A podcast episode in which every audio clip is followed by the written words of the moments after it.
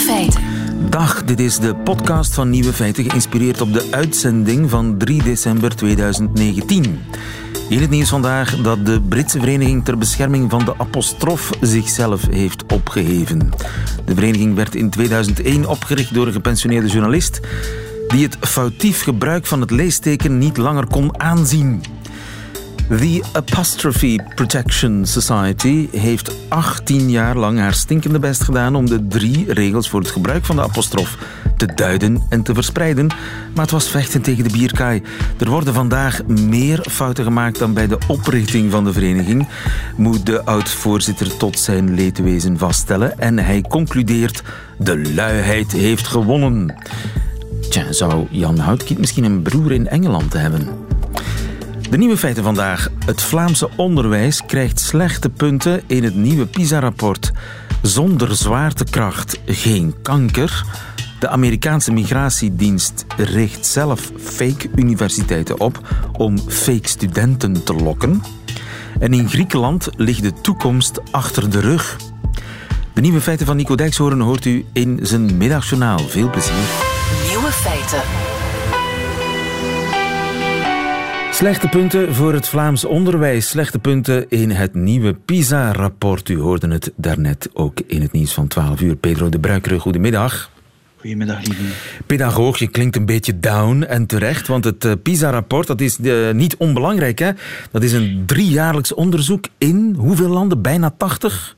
Ja, alle OESO-landen en uitgebreid met verschillende regio's, onder andere in China. En, en wat zien we dan? Ja, uh, jaar na jaar, of beter drie jaar na drie jaar, zien we een achteruitgang. En de tendens die we al een tijdje bezig zien, is vandaag bevestigd. En het zijn 15-jarigen die getest worden, hè? Ja, ze kijken naar 15-jarigen omdat het in veel landen een leeftijd is waarop belangrijke keuzes gemaakt worden in verder studeren, werken en dergelijke meer. En sommige landen stoppen met uh, gewoon onderwijs rond 16 jaar. Vandaar ja. dat die 15-jarigen gekozen worden. En dus het Vlaams onderwijs uh, boert stelselmatig achteruit. Ik hoorde er net een van de onderzoekers zeggen dat uh, in Vlaanderen één op de vijf 15-jarigen eigenlijk uit een tekst niet de nodige informatie kan halen die erin zit. Ja, 19 procent. En, en dat is op vijf dat is, dat, voor alle duidelijkheid, ik vind dat zelf verschrikkelijk veel.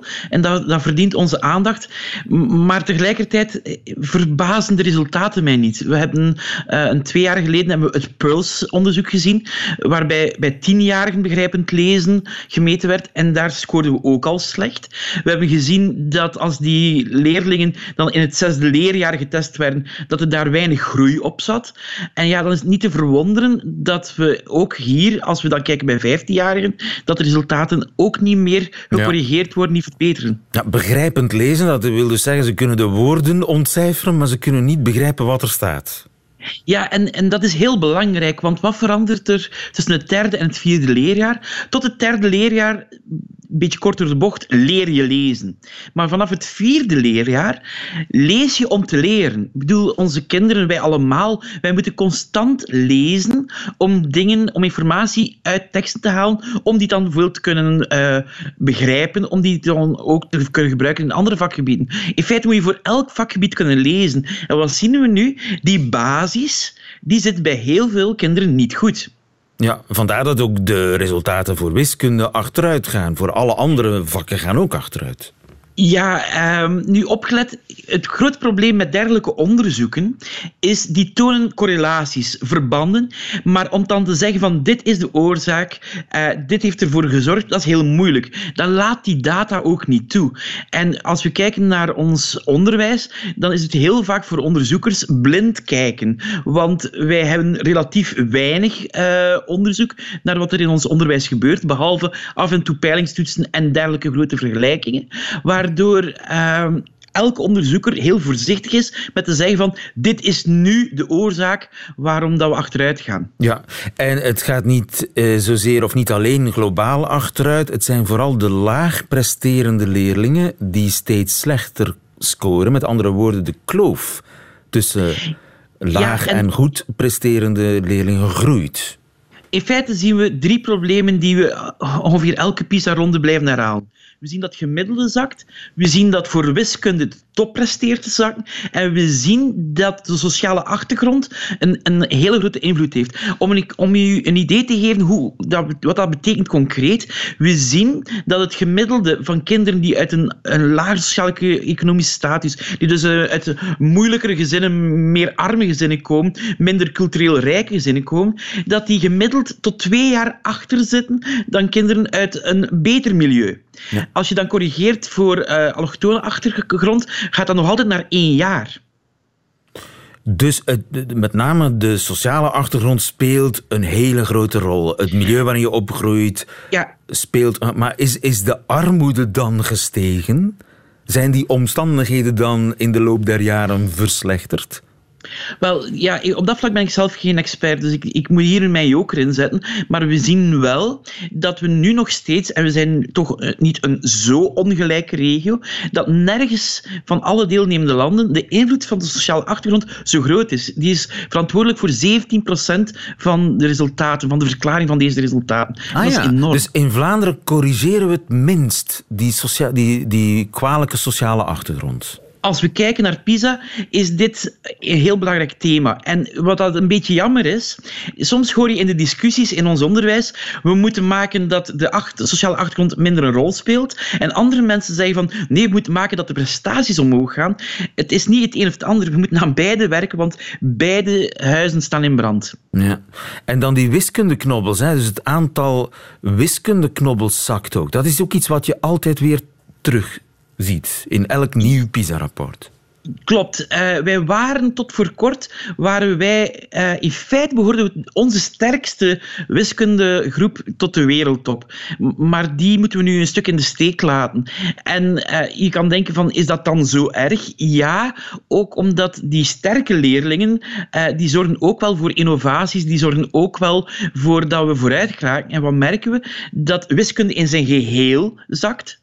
Um, maar dat ook net die sterke wiskundegroep die dan de later ingenieurs en dergelijke worden, dat die achteruit gaan. Ik heb gehoord dat de onderzoekers dit ook een stukje vandaag wijten, uh, vermoeden dat dit te maken heeft met een hervorming waarbij dat er minder wiskunde gegeven werd in de tweede graad van uh, het onderwijs. Wat zien we ook? Het aantal wiskundeleerkrachten. Ja, wiskundeleerkrachten worden witte raven. En dan krijg je natuurlijk een situatie dat er steeds minder sterke leerlingen zijn voor wiskunde, waardoor er ook weer minder mensen voor wiskunde kiezen, waardoor dat je ook weer minder wiskundeleerkrachten hebben. En ik denk dat we ook die spiraal gaan moeten kunnen doorbreken. Ja, Vlaanderen zakt voor het eerst uit de top 10 van alle OESO-landen, moet Polen laten voorgaan, Ierland laten voorgaan. Estland vooral niet vergeten. Estland laten voorgaan. Uh, we doen het allemaal slechter dan die landen. Uh, maar, maar opgelet, opgelet ik, ik, er is ook een lichtpuntje. Een licht, oh graag Pedro, een lichtpuntje. Want het is, het is zo waanzinnig slecht nieuws dit hè? Uh, ja, um, maar uh, een lichtpunt. Eh, België en meer bepaald ook Vlaanderen specifiek, um, die wordt ook door de OESO genoemd als een, een land of regio waar de gemiddelde prestaties nog altijd wel goed zijn. Vooral duidelijkheid, we behoren nog altijd tot de subtop, maar waar het welbevinden van de leerlingen ook oké is. Ja. Maar goed, uh, we, kunnen, we kunnen daar uh, lichtpuntjes in zien. Het, het Vlaams onderwijs gaat achteruit. Uh, we kunnen alleen maar aan zeggen dat dat heel erg is. Je zet een joker in als ik vraag hoe komt dat. Maar eigenlijk, ja, het onderwijs doet het slecht. Hè? Als leerlingen het slecht doet, ligt dat toch aan het onderwijs? Wel, als we nu heel eventjes gaan kijken naar het begrijpend lezen, want dat is natuurlijk het hoofdthema van vandaag, dan zien we dat er een paar dingen zijn waar we vermoeden dat we wel beter kunnen. Uh, bijvoorbeeld, we zien dat onze kinderen uh, van alle leerlingen in Europa het minst graag lezen. Maar uit eerder onderzoek weten we dat onze ouders niet graag lezen. Weten we ook dat sommige onderzoeken doen vermoeden dat zelfs onze leerkrachten niet graag lezen. Ja, maar dan kunnen we niet verwachten als de volwassenen niet graag lezen, dat de leerlingen, de kinderen, daar ook weinig belang aan hechten. Dus dat is iets dat we kunnen aan werken. We zien ook, dat is onderzoek van uh, collega's die ik Ehm, die rond leesonderwijs bezig zijn. We zien dat de strategieën die we aanleren lezen. Een van de meest eh, gebruikte strategieën is onderstrepen bijvoorbeeld. Is niet echt effectief, maar als we kijken dan naar zeer effectieve methodes, die komen veel minder aan bod. Uh, bijvoorbeeld doelen stellen bij een tekst, vragen stellen bij een tekst. We zien dat we daar echt nog wel serieuze kansen hebben om het te verbeteren. En ik moet wel zeggen, zowel de Vlaamse Onderwijsraad, die een rapport eh, van Chris van der Brande en collega's uh, heeft besteld en gepubliceerd, als uh, een rapport van de Taalunie, van de Taalraad, waar ik zelf ook aan meegewerkt heb, die twee rapporten spreken elkaar niet tegen. In feite weten we wetenschappelijk wel vrij goed wat we kunnen doen om het leesonderwijs te verbeteren. Nu is het heel belangrijk dat het ook gebeurt. Veel werk nog. Ik wens je daar heel veel succes mee. Dankjewel Pedro de Bruiker. Goedemiddag. Goedemiddag.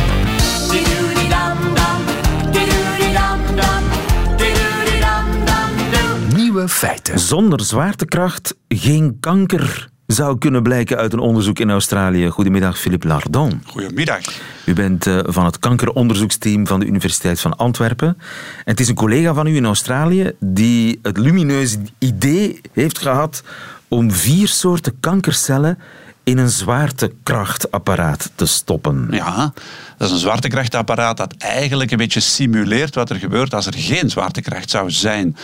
Uh, dat is wat die persoon nu doet. Het is geen, geen onderzoek dat. Er bestaat nog een ander onderzoek in de ruimtevaart. Hè. Onder, groeien op dit moment onder andere kankercellen in het International Space Station, ver boven ons, in gewichtloosheid. Dus het is een topic waar meer en meer aandacht voor is. Uh, en wat blijkt als je die kankercellen eh, virtueel naar de ruimte stuurt, in zo'n zwaartekrachtapparaatje stopt, wat gebeurt er dan? Wel, als die, als die kankercellen geen zwaartekracht meer ondervinden, dan blijken die veel moeilijker te kunnen overleven. En dat is een opsteker voor ons natuurlijk. Um, als je dat wilt verklaren, moet je dat wat kaderen. Al onze cellen leven eigenlijk wat we noemen in weefselverband. Hè. Al onze cellen leven in groep. Niercellen leven met alle andere niercellen samen. En zij communiceren ook met de cellen rondom zich, of zelfs met wat we noemen de matrix rondom zich. Dat is een soort bindweefsel steenweefselachtige structuur waar alle cellen netjes ingebed zitten. En de zwaartekracht blijkt daar een belangrijke rol in te spelen. Als die zwaartekracht wegvalt, ja, dan is de cel een beetje verloren. Dan, dan vindt zij nog heel moeilijk contact met, met haar buurcel of met die matrix. En dan durft het wel eens gebeuren dat die cel zelfs afsterft.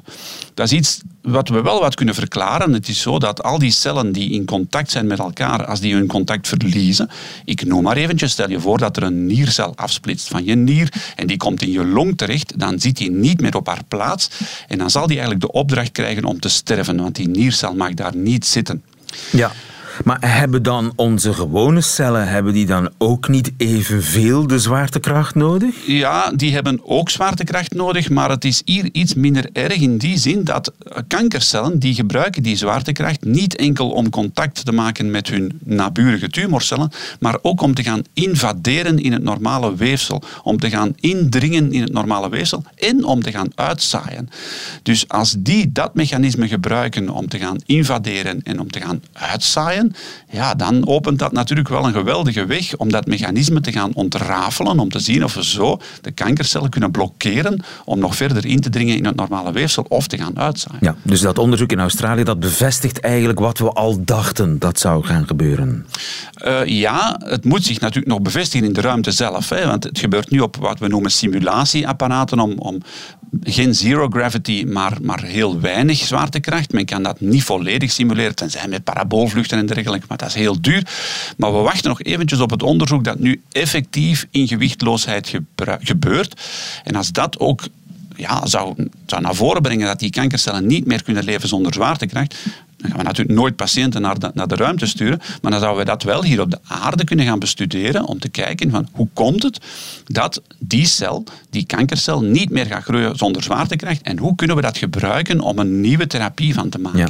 Ja, ja dus het, het, het werpt een licht op kanker en hoe kanker werkt, maar het zal niet onmiddellijk resulteren in een nieuwe behandelmethode waarbij de zwaartekracht wordt uitgeschakeld, waarbij een patiënt uh, in een kamertje moet gaan zitten waar de zwaartekracht en daar tegen het plafond Dat is niet echt de bedoeling. De bedoeling is om, om, het, om het mechanisme te achterhalen hoe die cellen invaderen en metastaseren uitzaaien. En dat mechanisme kunnen we dan gebruiken voor nieuwe, nieuwe doelgerichte therapieën op te ontwikkelen. Ja. Trouwens, op dit moment groeien er wel kankercellen in het ISS in gewichtloosheid. Ja, ze groeien dus toch? Ja, maar dat is met een ander experiment. Dat is een experiment dat al langer loopt en daar gaat men bepaalde proteïnen, in dit geval het RAS-proteïne. Dat wordt eventjes technisch. Dat is een proteïne dat een kankercel gebruikt om heel snel te kunnen delen en heel het lichaam te kunnen gaan overwinnen, als het ware. Uh, dat RAS-antigen zouden wij ook heel graag gaan targeten, gaan onze, onze pijlen oprichten, maar we weten nog niet hoe, hoe dat gevormd wordt. En wat blijkt nu? In gewichtloosheid wordt dat RAS-proteïne heel langzaam gemaakt en dan kunnen we dat veel duidelijker bestuderen. En als we dat heel goed kunnen bestuderen en in kaart hebben gebracht, dan kunnen wij nieuwe therapieën ontwikkelen die dat snel delende gen en proteïne kunnen gaan aanvallen. En dat opent echt wel perspectieven. Ja, dus het eh, naar de maan sturen van de mens zal de mens eventueel op termijn van kanker kunnen verlossen, zeg. Eh, op zich wel. En het hoeft zelfs niet naar de maan. Op het, op het International Space Station is voldoende. En laat dat nu net twee passies van mezelf zijn. Kankeronderzoek en ruimte en ruimtevaart. En als dat dan samenkomt, vind ik natuurlijk geweldig. Um, als we daar op het ISS experimenten kunnen doen met kankercellen die hier ons op de aarde zullen helpen om die ziekte sneller te gaan overwinnen, ja, dan is dat fantastisch natuurlijk. Levende ruimtevaart zou ik zeggen. Absoluut. Dankjewel, professor Lardon. Goedemiddag. Heel veel plezier. Radio 1. De Universiteit van Farmington bij Detroit in Amerika, de Verenigde Staten, zag er op hun website prachtig uit. Maar ze was nep. Een fake universiteit. Opgezet door de Amerikaanse Migratiedienst om buitenlandse studenten in de val te lokken. Michiel Vos, goedemiddag. Goedemiddag, lieve. De Universiteit van Farmington, waar was die? Ja, die was in een buitenwijk bij Detroit in Michigan. En die draaide al een paar jaar. En daar werden uh, classes aangeboden, uh, klassen. Je kon daar college volgen, je kon universiteitsgeld betalen, je kon daar naartoe. Er was een heus gebouw, er was een website, er was een Latijns motto, er was, een, er was alles dat te maken heeft met een Amerikaanse universiteit. Met name voor het aantrekken van buitenlandse studenten. En daar ging het met name om. Ja, en dat zag er allemaal prachtig uit op een website. Mooie groene campus, chic logo, uh, labor et scientia was het Latijnse motto, werk en wetenschap. Een mooie bibliotheek, uh, lachende studenten. Maar in werkelijkheid was dat dus maar één duf kantoortje met een paar douanemensen erin.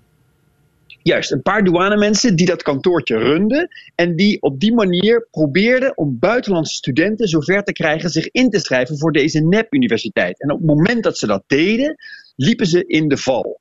De val was namelijk hè, de immigratiedienst, zogenaamde ICE, Immigration Services in Amerika, die probeerden illegaal uh, ingeleide studenten te trekken naar deze universiteit en ze zo in de val te laten lopen. Deze mensen, deze, deze studenten, waren meestal al student in Amerika bij een andere universiteit, maar werden wegens visumproblemen op een gegeven moment uh, bijna uitgezet. En om dat te voorkomen, die uitzetting, schreven ze zich in bij deze universiteit. Deze universiteit bood eigenlijk alles wat deze mensen wilden. Met name een visum en heel weinig verplichtingen. En slechts 8.000 tot 11.000 dollar aan schoolgeld per jaar. Dat is voor Amerikaanse begrippen heel weinig. Ja. Maar de truc was natuurlijk dat dit een soort een val was. Waar deze mensen een vals, uh, ja, een, vals inschrijvingsbewijs kregen. En vervolgens werden opgepakt door diezelfde immigratiedienst. Maar is dat een, een groot probleem in Amerika? Fake studenten? Eh, mensen die in uh, de Verenigde Staten willen wonen en werken en zich voordoen als studenten, daardoor een studentenvisum krijgen, maar eigenlijk helemaal niet willen studeren? Ja, dat is een probleem. Dat wil zeggen, uh, er zijn meer dan een miljoen buitenlandse studenten op elk moment in Amerika. Dus dat is enorm veel. Het is een probleem met name voor de Trump-regering, die niet alleen zeg maar, uh, kijkt naar illegale immigratie aan de grens of bij uh, werkplekken, maar ook bij universiteiten. Ook naar illegaal langblijvende studenten. Met name studenten die wiens visum afloopt en die vervolgens een vals visum aanvragen. Of een visum aanvragen onder valse voorwendselen. En dat is hier aan de hand. En die daarbij ook worden geholpen dus door, en daar gaat het hier een beetje om, door een net-universiteit opgezet door de immigratiedienst. En veel mensen vragen zich af, gaat dat niet een beetje ver? heeft de immigratiedienst deze mensen niet openlijk in de val gelukt? En de immigratiedienst heeft ook nog betaald tussen mensen, zogenaamde makelaars, die deze studenten, veelal uit India, uit Pakistan, maar ook andere landen, erin lokten, in de val lokten. Gaat dat niet wat ver? Is dat niet entrapment? Ja, en uh, is dat le legaal uitlokking? Entrapment? Ja, Ja, dat is, dat is vaak, daar wordt het natuurlijk over gestreden in het juridische nou, want die studenten moeten vaak voorkomen in dit geval, voor de rechter verschijnen. En die verdedigen zich dan met het argument dat dit entrapment is, dat ze in, erin gelokt zijn door inderdaad die website, door allerlei beloftes, door het heus betalen van schoolgeld. Dat zij alles hebben gedaan. Nee, zeggen de autoriteiten, jullie wisten dat dit een nep-universiteit was. Ze wisten dat het uh, hem alleen maar ging om het krijgen van het juiste visum. En dat visum is dus verkregen onder valse voorwenselen. Dit zijn mensen die geen recht meer hadden op een visum. Dit zijn mensen die moeten worden uitgezet. Ja. En dat is natuurlijk het is van alle andere regeringen. Obama-regering deed dit ook. Maar Trump doet dit natuurlijk veel scherper en veel meer. Want dit past in zijn immigratiebeleid. Ja, maar wat zou er met mij gebeurd zijn als ik mij niets vermoedend in Farmington had ingeschreven? Ja, en je zou zijn verschenen en je zou worden opgepakt wegens het verkrijgen van een onder valse voorwendselen verkregen visum, ja, dan zou je waarschijnlijk voor een immigratierechter moeten verschijnen. En dan zou je waarschijnlijk worden uitgewezen. En dan kom je op een lijst en dan kom je er voorlopig tien jaar, maar soms ook wel langer, niet meer in in de Verenigde Staten. En ja, voor veel ik, van dat ik, soort studenten ik was is volledig dat heel erg. bona fide. Ik was volledig ter goede trouw. Ik wou, ik wou gewoon studeren en die universiteit zag er geweldig uit. Dus ik betaal en blijk ik niets vermoedend in een val te zijn gelopen, terwijl ik eigenlijk niets illegaals van plan was. Dat kan toch?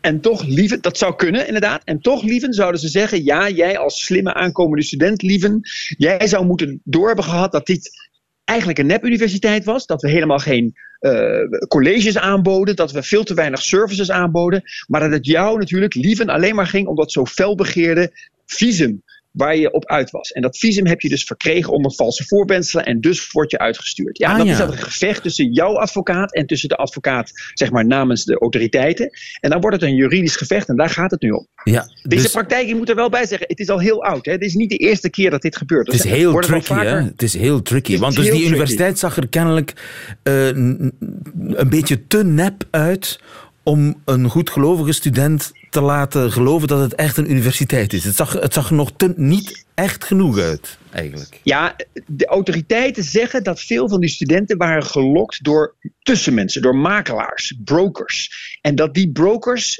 min of meer uit zijn op groepen die weten dat, ze, zeg maar, dat hun visum, hun echte visum afloopt. En dat ze snel een nieuw visum nodig hebben. En dat nieuwe visum zit vast aan deze Farmington University. Het is een beetje een ingewikkeld verhaal. En dat visum is verdacht. En dat had jij, lieven, of die student moeten- uit India moeten weten.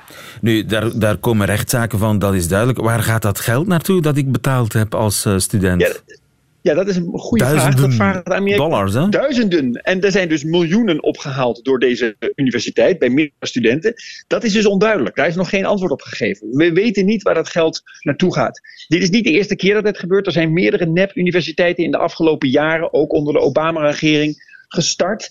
Eh, en dat geld, we weten niet wat daarmee gebeurt. En die mensen komen op lijsten, al dan niet te staan. Er zijn rechtszaken die lopen.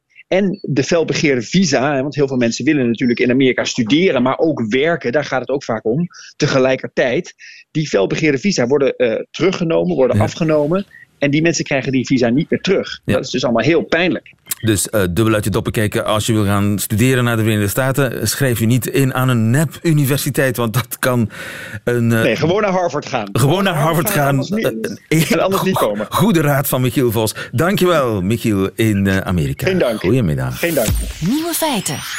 Radio 1. In Griekenland is 2020 achter de rug. Riemer Rijnsma, goedemiddag.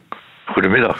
U bent taalkundige en eh, schreef voor het tijdschrift Onze Taal, het Prachtblad, een artikel over de plaats van de toekomst. Waar bevindt zich de toekomst? Ik zou zeggen, voor ons, dat is toch simpel? Ja, eh, dat is eh, heel simpel, maar bij nader inzien ook weer niet zo heel simpel, want de Grieken hebben de toekomst achter zich. De En Grieken hebben de toekomst achter ja, zich. Die, die, die kunnen dus bijvoorbeeld zeggen: Het is vandaag heel mooi weer, maar wat eh, hebben we achter ons? En dan bedoelen ze dus: wat gaat er nog gebeuren? Ze leven met de rug naar de toekomst. Ja, ze leven met de rug naar de toekomst. En dat, er was ooit een keer een gesprek tussen een, een Griek en een, eh, en een niet-Griek. En eh, over dit onderwerp. En de andere persoon die zei: wat, wat doen jullie dat raar met de toekomst achter je? Want je ziet toch dat die voor je ligt. Maar die Griek zei: Ik heb toch geen ogen in mijn rug. De toekomst is iets dat je niet kunt zien. Dus dat ligt achter je. Het verleden kunnen we wel zien. En daar kijk je dat naar. ligt dus voor ons. Je kunt het verleden zien, dus Daar ligt het voor van. ons. We kunnen het, de toekomst niet zien, eh, dus ligt die achter ons. Dat is de Griekse logica. Bij ons is het eh, precies andersom. Hè. Wij gaan een schone toekomst tegemoet. We hebben een fijne vakantie in het vooruitzicht. We hebben een zware klus voor de boeg. We kijken er naar uit. De toekomst ligt voor ons. Je- Waar je naartoe gaat, dat is de toekomst.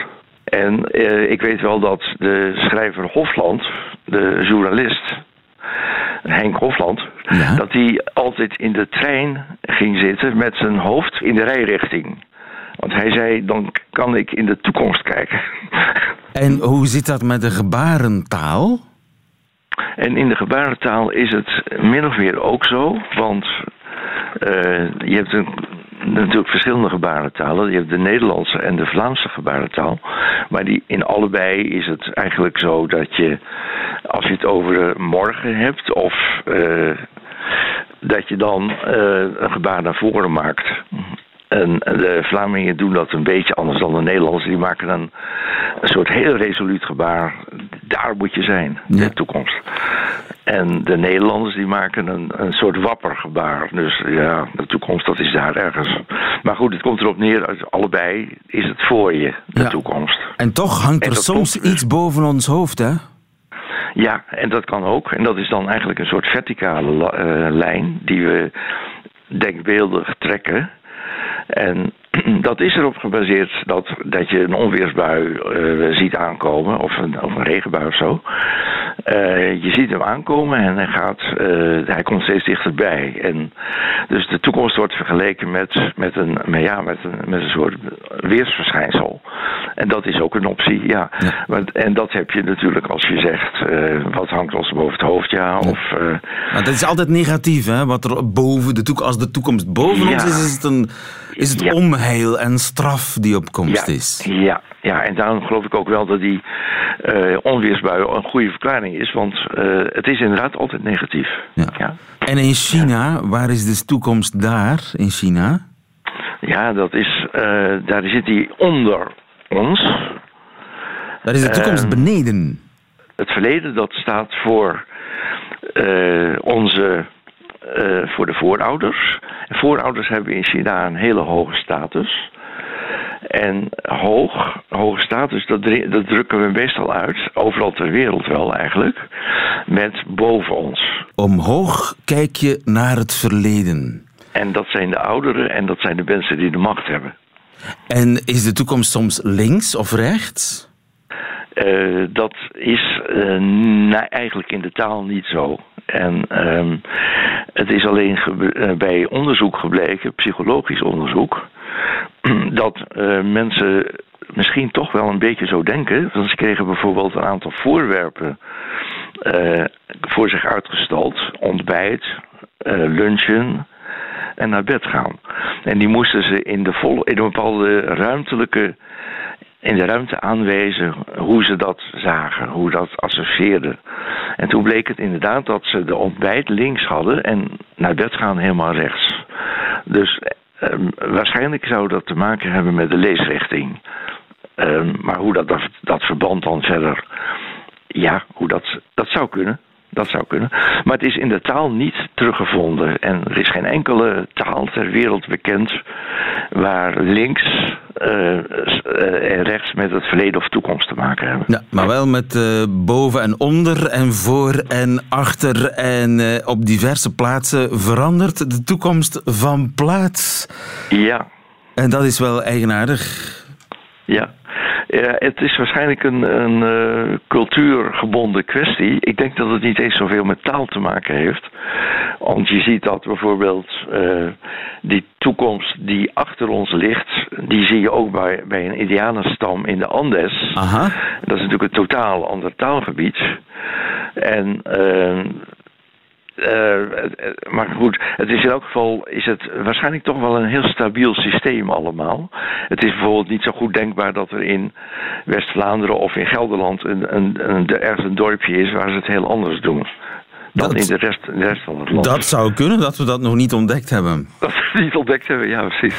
Het zou, het zou mooi zijn als het wel zo was, want Ja. dan kun je daar eens naartoe gaan en Ja. kijken of je verstaanbaar bent. Mensen die ook voelen dat de toekomst achter de rug is, mogen zich melden. Dankjewel, Riemer Rijnsma. Goedemiddag. Goedemiddag. Radio 1. Nieuwe feiten. Dat waren ze, de nieuwe feiten van 3 december. U krijgt alleen nog die van Nico Dijkshoorn in zijn middagjournaal. Nieuwe feiten. Middagjournaal. Beste luisteraars, om de ouderwetse middenstander te helpen, koop ik af en toe iets en dan ga ik het een uur later alweer ruilen. Ze hebben het heel zwaar, de ouderwetse winkeliers, omdat iedereen wacht tot ze met Black Friday bijvoorbeeld met 40 euro korting een virtuele bril kunnen kopen. Met een virtuele bril hoef je helemaal nooit meer je huis uit. Je woont op driehoog achter met uitzicht op een herstartende kerncentrale en tegenover je woont een vrouw met een lekkend oog. Maar met de nieuwe online bestelde virtuele bril is het opeens net alsof je een hiphopper met 29 badkamers bent. In iedere badkamer ligt een vrouw die ook traant, maar dan niet uit haar oog. Klassieke winkeliers die een winkel hebben met een echte voordeur, die hebben daar last van. Dus ik help ze. Ik koop op de gok iets wat ik niet begrijp. Ik ga naar huis, doe de doos even open en dicht. En daarna ga ik meteen weer terug naar de winkel. Ik zeg, hij doet het niet. Daarna houd ik ze urenlang bezig. Vaak, vooral in elektronica winkels, hebben ze zelf ook helemaal geen idee wat ze hebben verkocht. Ik wijs dan op het product en ik zeg, dat knopje daar, dat moet je zes keer indrukken en daarna moet je die stang op je voorhoofd leggen. In de handleiding staat voor een regelmatiger resultaat. Maar bij mij gaat het apparaat al bewegen wanneer ik nog maar één keer op dat knopje heb gedrukt. Daarna proberen ze dat zelf. Ik zeg dan: pas op, u pakt hem nu bij het pompsysteem vast. Dat zou ik niet doen, want dan gaat de verdeelspuit omgekeerd werken. Als ze daarna drie collega's erbij hebben gehaald, vraag ik of ze hem ook in het groen hebben. Dan past hij leuker bij mijn broek. Uiteindelijk ruil ik het artikel. Jammer, zeg ik dan. Ik zou deze magnifier met ingebouwde schuursponsfunctie zo graag hebben gebruikt. Dank u wel. U hebt mij heel prettig geholpen. Daarna koop ik snel weer iets bij een andere winkel om te ruilen. Luisteraars, ik houd de middenstanders in beweging. Ik geef ze hun plezier terug. Ze doen weer waar ze voor zijn opgeleid. Bijvoorbeeld uitleggen hoe je een televisiezender uit Congo kan ontvangen via een satelliet die de klant zelf op zijn hoofd moet dragen. U zou ze moeten zien stralen, die middenstanders. Eindelijk weer een echte klant in hun winkel.